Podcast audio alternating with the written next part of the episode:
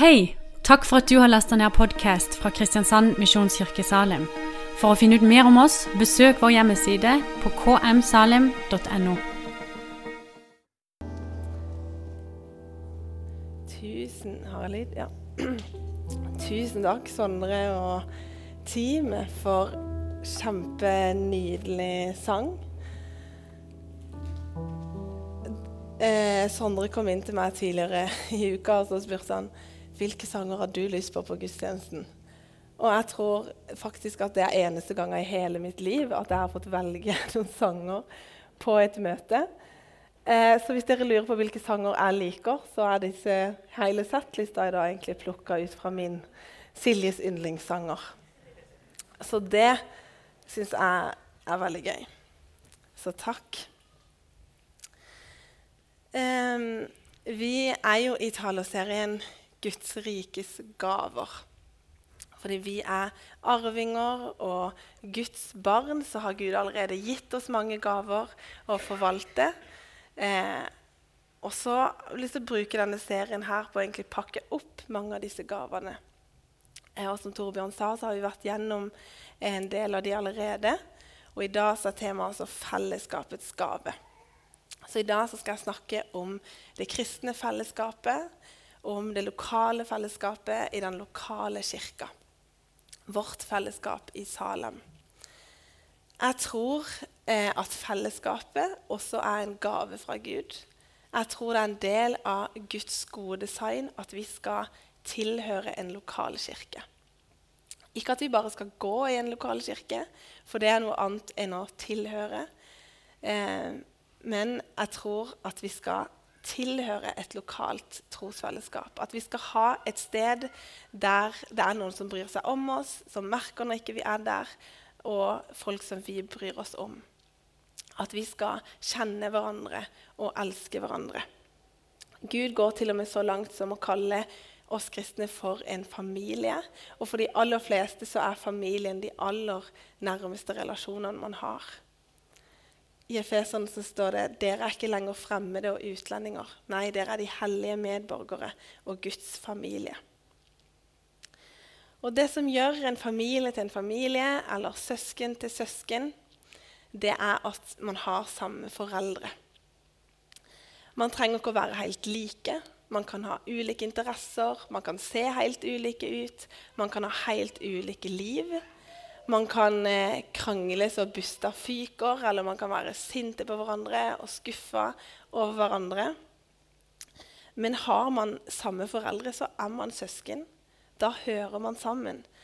Uansett omstendigheter eller følelser. Det går ikke an å si i en søskenflokk at det er noen som ikke passer inn, og derfor ikke hører til. Og sånn er det med oss kristne òg vi er òg veldig ulike. Vi kan ulike ting, vi har ulike utfordringer, ulike preferanser. Hei, Lydia. um, og interesser. Og vi òg kan være uenige med hverandre. Vi er uenige om mange ting. Vi, vi kan være uenige om nattverdssyn og dåpssyn, men vi kan òg være uenige om eh, bagateller som eh, lovsang og møtelengde og hva møtene skal inneholde. Eh, vi skulle hatt det mer sånn, vi skulle hatt det mer sånn. Vi skulle hatt mer lovsang, vi skulle hatt mindre lovsang. Vi skulle hatt mer moderne lovsang, vi skulle hatt mindre moderne lovsang. Eh, talene er altfor lange. Vi burde øke talelengden. Møteleder snakker altfor mye. Møteleder burde sagt det og det og det. Um, altså Her snakker jeg av erfaring. Um, vi kan være ganske uenige og tenke ulikt om veldig mange ting. Og vi kan til og med òg bli sinte og skuffa over hverandre. Men vi har samme far, og det knytter oss sammen. Det gjør at vi er ment å høre sammen og til å ha dype og nære relasjoner med hverandre. Uansett hva vi mener eller føler, så er vi søsken som hører sammen. Og det er ingenting som endrer på det. Og Gud han har en plan og en tanke for åssen dette fellesskapet skal være. Vårt oppdrag i Salem er at vi skal ære Gud, gjøre livet bedre og gjøre disipler av Jesus. Og Det sier egentlig ganske mye om hvordan fellesskapet er ment å være. Um, vi leser fra Matteus 22, der en fariseer spør Jesus. Mester, hvilket bud er det største i loven? Han svarte, du skal elske Herren din Gud av hele ditt hjerte og av hele din sjel og av all din forstand. Dette er det største og første budet. Men det andre er like stort. Du skal elske de neste som deg selv. På disse to budene hviler hele loven og profetene. Gud vil først og fremst at vi skal elske Han og elske hverandre. Og så kommer alt annet ut fra det. Han har designa oss til å ha dyp relasjon med seg og med hverandre. Um, å elske Gud, det gjør vi jo hver for oss. Vi har en personlig kjærlighetsrelasjon med Gud. Vi bruker tid med Han. Vi leser Hans ord. Vi retter oss etter Hans retningslinjer og standard. Vi er åpne for hans ledelse i livene våre. Eh, men vi gjør det òg i stor grad sammen. Vi eh, søker Gud og ber sammen. Vi lytter sammen. Vi tilber sammen. Um, vi er åpne for Guds ledelse sammen. Og så lar vi Gud bruke oss sammen. For det sammen så er vi Kristi kropp, og hver av oss er et lem på Han. Det står det i første kor 12, som skal lese den teksten. For kroppen består ikke av én kroppsdel, men av mange. Om nå foten sier 'fordi jeg ikke er hånd, hører jeg ikke med til kroppen', så er den like fullt en del av den. Om øret sier 'fordi jeg ikke er øye, hører jeg ikke med til kroppen', så er det like fullt en del av den. Hvis hele kroppen var øye, hvor ble det da av hørselen? Og hvis det hele var hørsel, hvor ble det da av luktesansen? Men nå har Gud gitt hvert enkelt lem sin plass på kroppen slik han ville det. Hvis det hele var én kroppsdel, hvor ble det da av kroppen? Men nå er det mange kroppsdeler, men bare én kropp. Øyet kan ikke si til hånden 'jeg trenger deg ikke', eller hodet til føttene 'jeg har ikke bruk for dere'. Tvert imot. De delene av kroppen som synes å være svakest, nettopp de er nødvendige. De kroppsdelene som vi synes er mindre ære verdt, dem gir vi desto større ære. Og de delene vi føler skam med, kler vi desto mer sømmelig. De andre trenger det ikke. Dere er Kristi kropp, og hver av dere et lem på ham. Vi er forskjellige lemmer. Vi har forskjellige oppgaver, forskjellige gaver og evner. Og når Gud bruker oss, så ser det forskjellig ut. Men vi er en del av samme kropp. Vi er ulike brikker i samme plan med samme mål. Og hver enkelt er viktig, for hvis kroppen skal fungere, så må alle lemmene i funksjon. Så å la Gud bruke oss, våre gaver, det er ikke noe vi bare gjør alene. Det er noe vi gjør sammen. Vi er ment å gjøre det sammen fordi vi utfyller hverandre. Og jeg skal faktisk bare være mitt lem. Jeg skal ikke være hele kroppen, sånn som jeg mange ganger kan tenke. Det er så lett å se på andre, og så ser man hva de er gode på. Og så tenker man at jeg skulle vært litt mer sånn, jeg skulle vært litt bedre på det og det. Um, så går man rundt og føler seg på en måte ikke god nok. Men jeg skal ikke være alt. Jeg skal ikke være hele kroppen alene. Jeg skal bare få lov til å være mitt lem. Um, skal jeg få lov til å gjøre det jeg kan, og det jeg liker. Og så betyr ikke det at ikke det er ting og levemåter vi skal strekke oss etter, eller at vi hele tida skal vokse og utvikle oss. Men det betyr at vi kan hvile i at eh, vi skal ikke være alt. For vi trenger resten av kroppen òg. Og det du ikke er god på, er det heldigvis noen andre som er gode på. Vi sammen skal være Kristi kropp. I en velfungerende familie så har man gjerne litt ulike oppgaver. Man har en arbeidsfordeling. Kanskje er det noen som eh, handler inn, noen som lager mat, noen som vasker opp. Kanskje noen vasker tøy, og noen andre vasker bilen. Man har ulike oppgaver. Eh, og sånn tror jeg Gud har ment det for sin familie òg. At vi skal ha ulike oppgaver. Noen skal være i bønnearbeid. Eller alle skal på en måte være i bønnearbeid. Men noen skal være møteledere, noen skal være eh, lovsangsledere, noen skal stå i sosiale tjenester, noen skal eh, være på kjøkkenet, noen skal være hyrder, noen skal være apostler, noen skal være profeter og evangelister. Vi har ulike eh, oppgaver og en arbeidsfordeling. Eh, og sånn tror jeg Gud har ment det. Men i noen familier så kan det veldig fort ende opp med at noen i huset gjør veldig mye, eller kanskje til og med nesten alt. F.eks. mor i huset. Jeg vet ikke om noen av dere kjenner dere igjen i det. Um, men det som veldig ofte skjer da, er at mor i huset eh, blir veldig lei. Det kan fort bli mye kjefting, masing, dårlig stemning. Eh, og så ender mor i huset opp med å, å, ikke ha noe glede i å gjøre det arbeidet for alle andre. Og sånn har det en eller annen grunn en tendens til å bli i menigheter òg. At det er en pastor eller noen ledere som ender opp med å gjøre veldig mye. Eh, og så blir de utslitt, og så kjenner de på veldig liten glede i arbeidet, og at alt blir et ork og et strev. Eh, for vi er ikke skapt til å gjøre alle oppgaver sjøl, til å være alt eller til å fylle alle roller. Vi er skapt til å være ett lem der alle har ulike oppgaver. Det er oppskriften Gud har gitt oss på åssen hans familie vil fungere best mulig. Så jeg har en drøm om en menighet der alle som går her, er med i en tjeneste som passer med sine gaver, og der man er aktive tilhørere av menigheten. For jeg tror det er det som er meninga. Jeg tror ikke det er meninga at noen få skal gjøre veldig mye, og så vidt få endene til å møtes, og så skal flertallet komme på gudstjenesten, høre forkynnelse, enten være fornøyd eller misfornøyd med det man fikk, og så gå igjen. Jeg tror det er kraft i å stå sammen. Og jeg tror det er sånn det kristne fellesskapet er ment å være. Vi skal elske og tjene Gud sammen.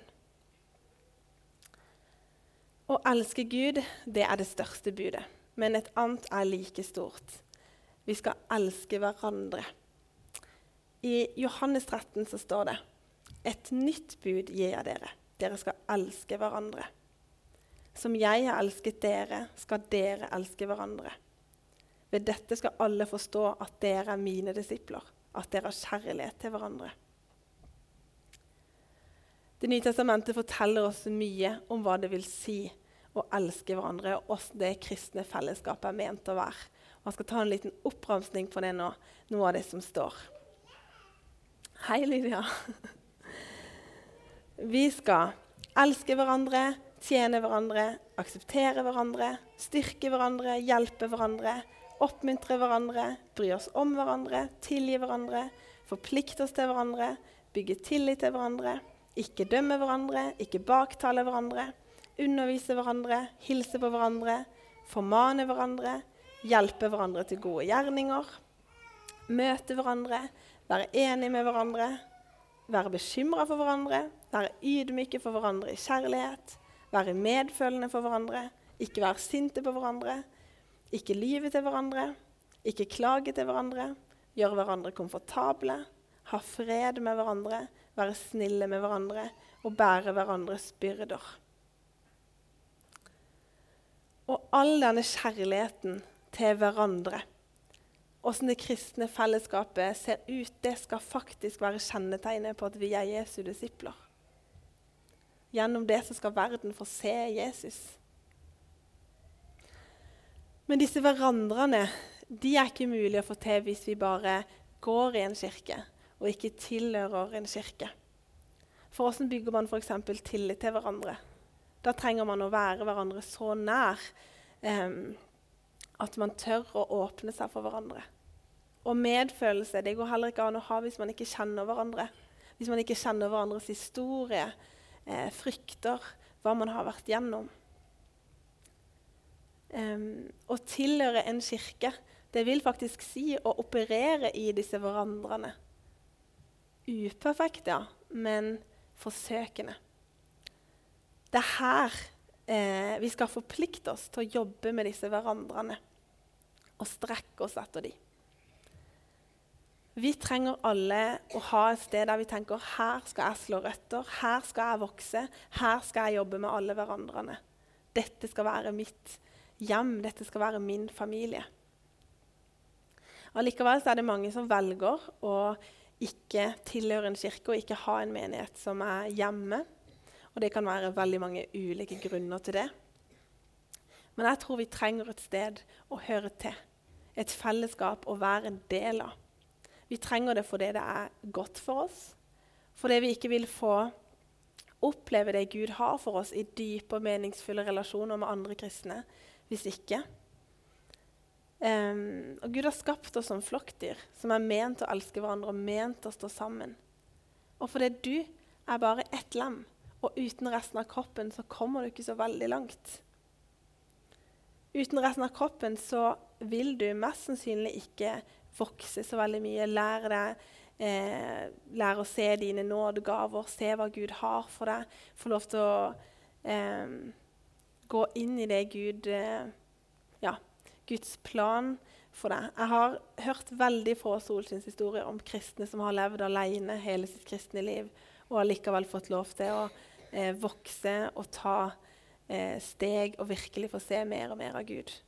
Vi er skapt til å være sammen eh, og til å bære hverandre. For Gud, han virker i fellesskapet. Gud har ikke lagt all kunnskap ned i én person. Han har fordelt den til mange. Så når vi deler med hverandre, eh, når vi deler våre oppdagelser, når vi lytter til hverandre, eh, når vi bekjenner, når vi støtter hverandre, da snakker Jesus. Det veldig sånn håndgripelige og konkrete gudsnærværet det blir oftest synlig i det kristne fellesskapet. Fordi når du eh, har det vondt, eh, er syk, eh, har det tøft, eller kanskje til og med om du lurer på noe, så kan det kristne fellesskapet være Jesu hender og føtter, og så kan de vise Guds omsorg for deg og hjelpe deg å få deg inn på riktig vei og bære deg gjennom. Jeg har eh, venner som eh, er med og ber for meg og står sammen med meg når jeg går gjennom tøffe ting i mitt liv. Um, og det har sikkert dere òg opplevd. Det kan dere gjerne snakke om i småfellesskapene når dere har opplevd det. Um, jeg har mange ganger tenkt at det, dette er Gud som viser seg for meg. Dette er Guds omsorg for meg, eh, som vises for meg gjennom fellesskapet mitt. Gud virker gjennom disse menneskene. Det er ingenting som er så fint og så befriende som å komme til andre kristne med sine kamper og svakheter og feil, og ha noen andre som kan eh, stå sammen, be sammen med deg og kjempe seg gjennom det sammen med deg. I 1. Korintan 12 så står det òg For om ett lem lider, lider alle de andre med. Og om ett lem blir hedret, gleder alle de andre seg. Det kristne fellesskapet det er en gave fra Gud, som han vet at vi trenger, og som han ønsker at vi skal få åpne og få lov til å kjenne dybden og gleden av. Og Bibelen sier oss mye om Guds tanker for hvordan det fellesskapet skal være. Men dessverre så er vi ofte langt unna det i praksis. Noen har kanskje merka at Guds menighet ikke automatisk driver mot det idealet, mot enhet og kjærlighet. Det er ikke bare noe som skjer av seg sjøl. Vi opplever uenigheter, utfordringer, splittelse. Vi opplever splittelse mellom kirkesamfunn, eh, mellom menigheter, mellom grupper, mellom enkeltpersoner. Og hvorfor skjer det? Hvorfor opplever vi splittelse framfor enhet, som var Guds hensikt med sin kirke. Jeg tror grunnen, Mye av grunnen til det, tror jeg, er jeg tror, ja, jeg tror det skjer når vi setter fokuset for mye på oss sjøl istedenfor å ha blikket retta på Gud. Når vi setter oss sjøl, våre meninger, våre behov, våre preferanser for høyt, framfor Gud og hans rike.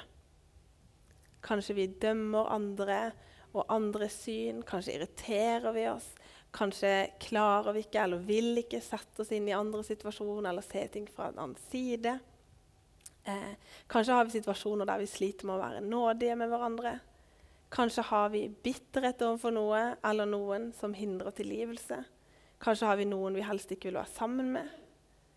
Splittelse kommer fra eh, fokuset vårt. Vi prioriterer våre egne preferanser framfor Guds og kirkas og helhetens. Vi vil komme til kirka, få det vi vil ha på vår måte, og gå igjen. Vi vil bli underholdt, servert god forkynnelse, akkurat riktig mengde og riktig type lovsang. Og Jeg har hørt så mange ganger folk si at det, jeg syns ikke det var så veldig bra, for jeg følte ikke at jeg fikk noe. Og jeg har tenkt det mange ganger sjøl òg. Men, men, så har jeg tenkt Åssen høres det ut for andre når vi snakker sånn? Høres det ikke veldig trangsynt og selvsentrert ut? Høres det ikke ut som at gudstjenesten da handler om meg? Hva jeg personlig sitter igjen med etterpå, om jeg er fornøyd? Fokuset er ikke på Gud, hvem Gud er, hvor god han er, alt han har gjort for oss. Eh, at vi ønsker å tjene han og tilbe han, og at hans rike skal vokse. Vi er veldig ofte veldig individualistiske. Og vi fokuserer veldig mye på oss sjøl istedenfor Gud og det han gjør. Jeg har gjort det mye sjøl òg. Men så har jeg tenkt Når noen leder møte, eller leder lovsang, eller taler, eller hva enn det måtte være, så jobber Gud i den personen. Eh, når noen tør å gå utenfor komfortsona, tør å ta steg, tør å gå på det Gud har leda dem til, så jobber Gud med dem og med menneskene rundt, helt uavhengig av hva jeg satt igjen med, eller om det var helt i tråd med mine preferanser. Eh, og så er vi så forskjellige, så må jeg minne meg sjøl på at Gud taler til oss på så ulik måte. Og hvis det var eh, en gang jeg ikke eh, fikk så mye ut av det, så var det helt sikkert noen andre som gjorde det. Og kanskje ikke engang at det er mine preferanser eh, som var Guds preferanser akkurat da, eller at det er det som til syvende og sist vil føre til vekst, og er det som er best for kirka eller helheten til syvende og sist. Alle disse tankene som handler om meg sjøl, det individuelle fokuset, alle andre prioriteringer enn det som handler om Jesus og at hans rike skal vokse, det er ødeleggende. Det er ødeleggende for enheten, det er en trussel for fellesskapet, og det fører heller til splittelse enn til enhet. Og det er ikke noe rart at det er sånn, for det er sånn verden er. Alt handler om meg, meg, meg, mitt, mitt, mitt. Så lenge jeg har det bra, så lenge jeg er fornøyd. Men det er ikke en bibelsk måte å tenke på. I Efeserne så står det så formaner jeg dere, jeg som er fange for Herrens skyld, at dere lever et liv som er verdig det kallet dere har fått, i mildhet, ydmykhet og storsinn, så dere bærer over med hverandre i kjærlighet. Sett alt inn på å bevare åndens enhet i den fred som binder sammen. Dette er Guds måte. Å gjøre alt for å bevare enheten. I mildhet, ydmykhet og overbærenhet. Det er å tenke på de andre, på fellesskapet, på helheten. Og ikke bare på oss sjøl. Når vi tenker disse individualistiske tankene, så ser vi egentlig på verdens visdom framfor Guds visdom. Er det det vi vil? Jeg håper ikke det. Jeg vil i hvert fall ikke det. Så hvordan kan vi bevege oss nærmere det fellesskapet sånn som Gud har ment det? Hvordan kan vi få pakke opp den gaven og ta del i de velsignelsene som den bringer med seg? For det første så må hver og en av oss la Gud få eh, jobbe med oss og hjertet vårt, tankegangen vår. Vi kan be Gud om å vise oss om det er noe i livene våre som han må rense eller rydde opp i.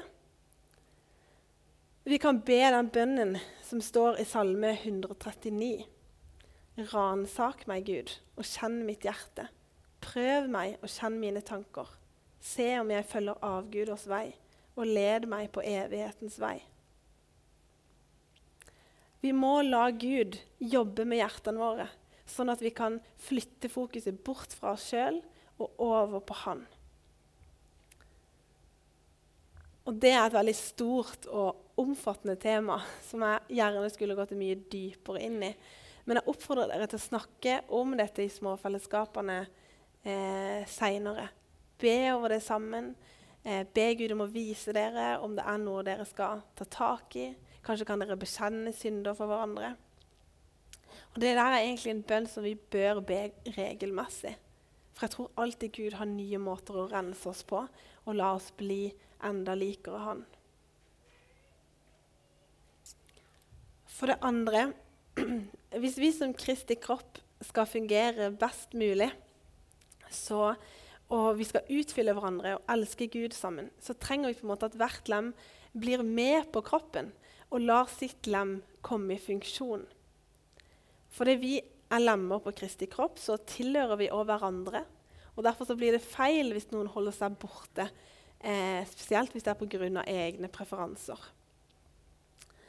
Eh, Bonhoeffer skriver den som elsker sin egen drøm om et kristent fellesskap mer enn det kristne fellesskapet selv, han ødelegger ethvert kristent fellesskap. Vi må melde oss på. Vi må prioritere og ønske å være en del av fellesskapet. Vi må komme med den vi er, og det vi er blitt gitt.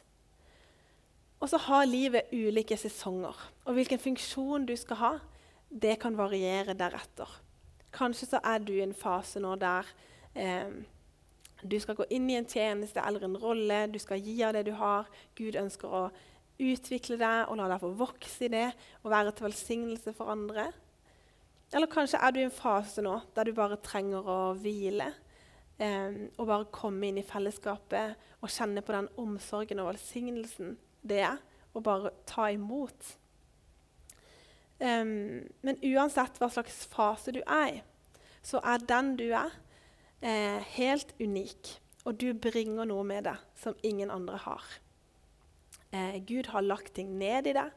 Han har vist deg ting. Han har gitt deg lengsler og drømmer og erfaringer som ingen andre har. Så uansett hva, uansett hva slags fase du er i, helt uavhengig av tjeneste eller hva du skal gjøre og ikke, så er du viktig for fellesskapet og resten av Kristi kropp. Det er viktig at du er der, og at du lar ditt lem komme i funksjon.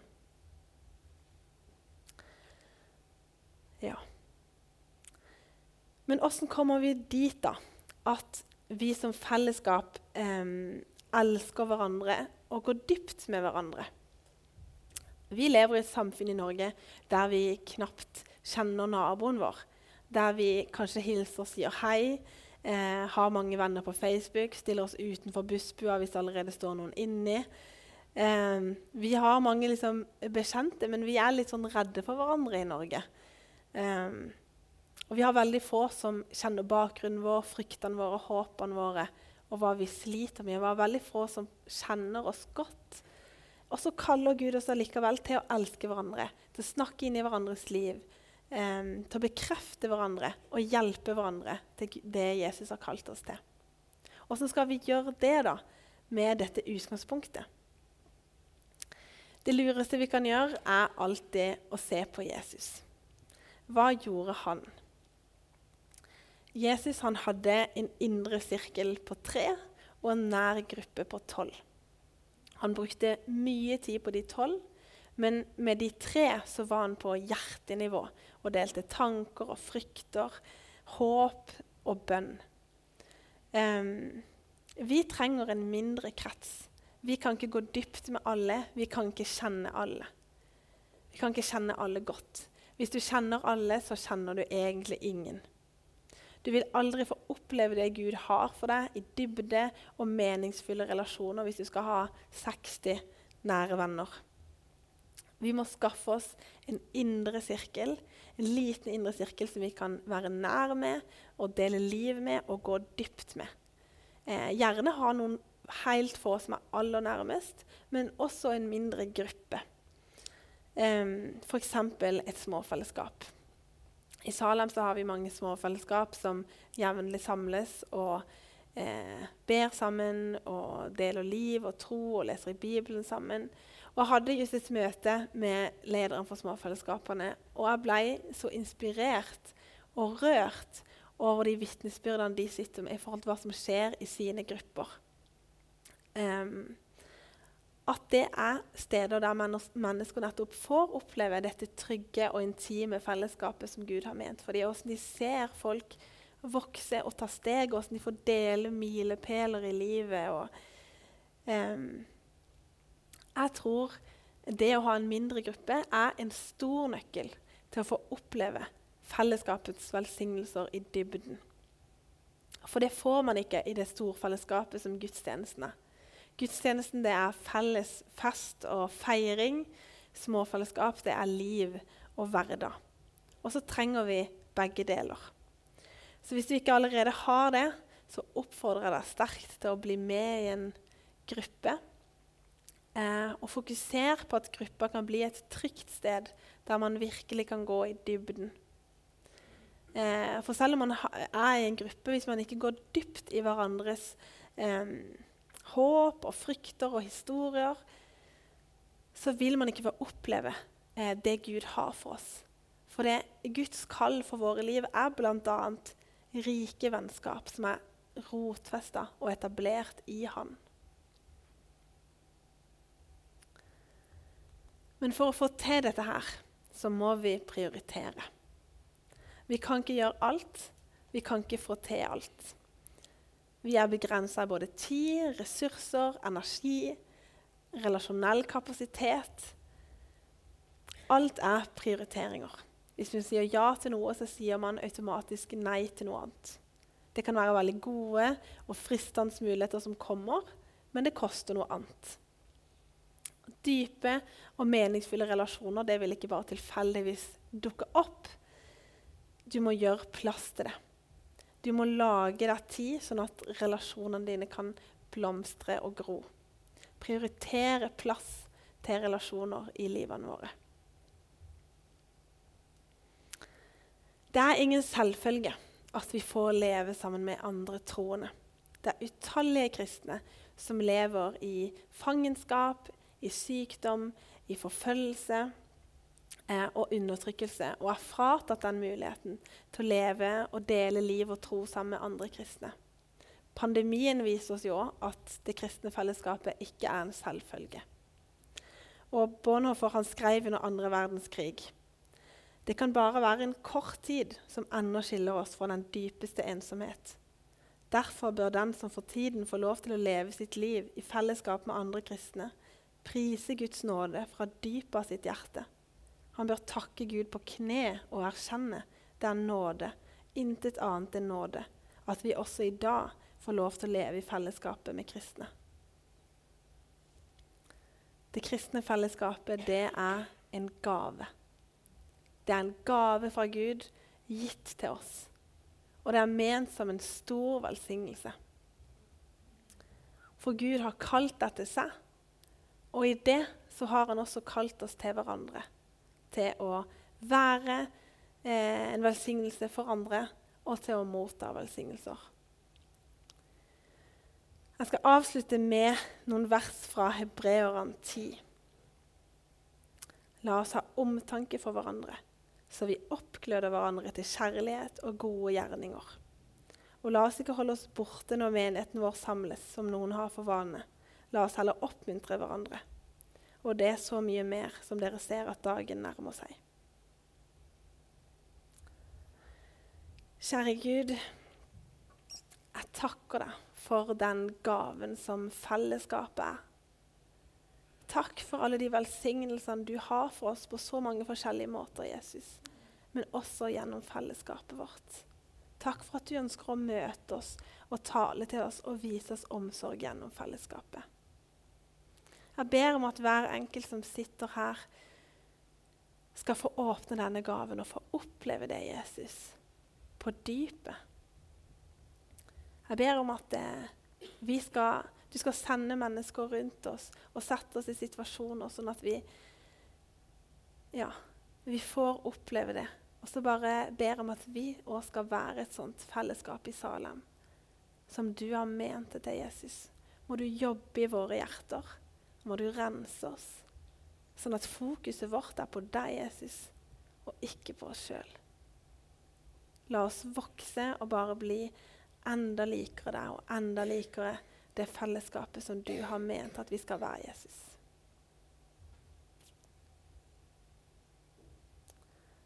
Amen.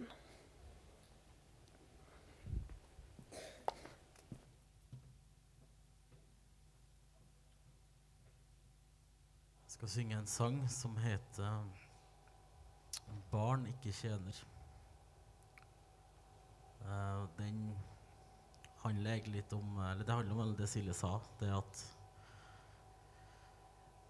ofte så Eller man er i menighet, og så gjør man mye. Man vil mye. Man vil mye for menigheten, man vil mye for andre. Så kan det fort bli Fort bli at man gjør for mye og glemmer kanskje å passe på seg sjøl. Så må vi ikke glemme at vi er jo barn, vi er jo ikke tjenere. Vi er Guds barn.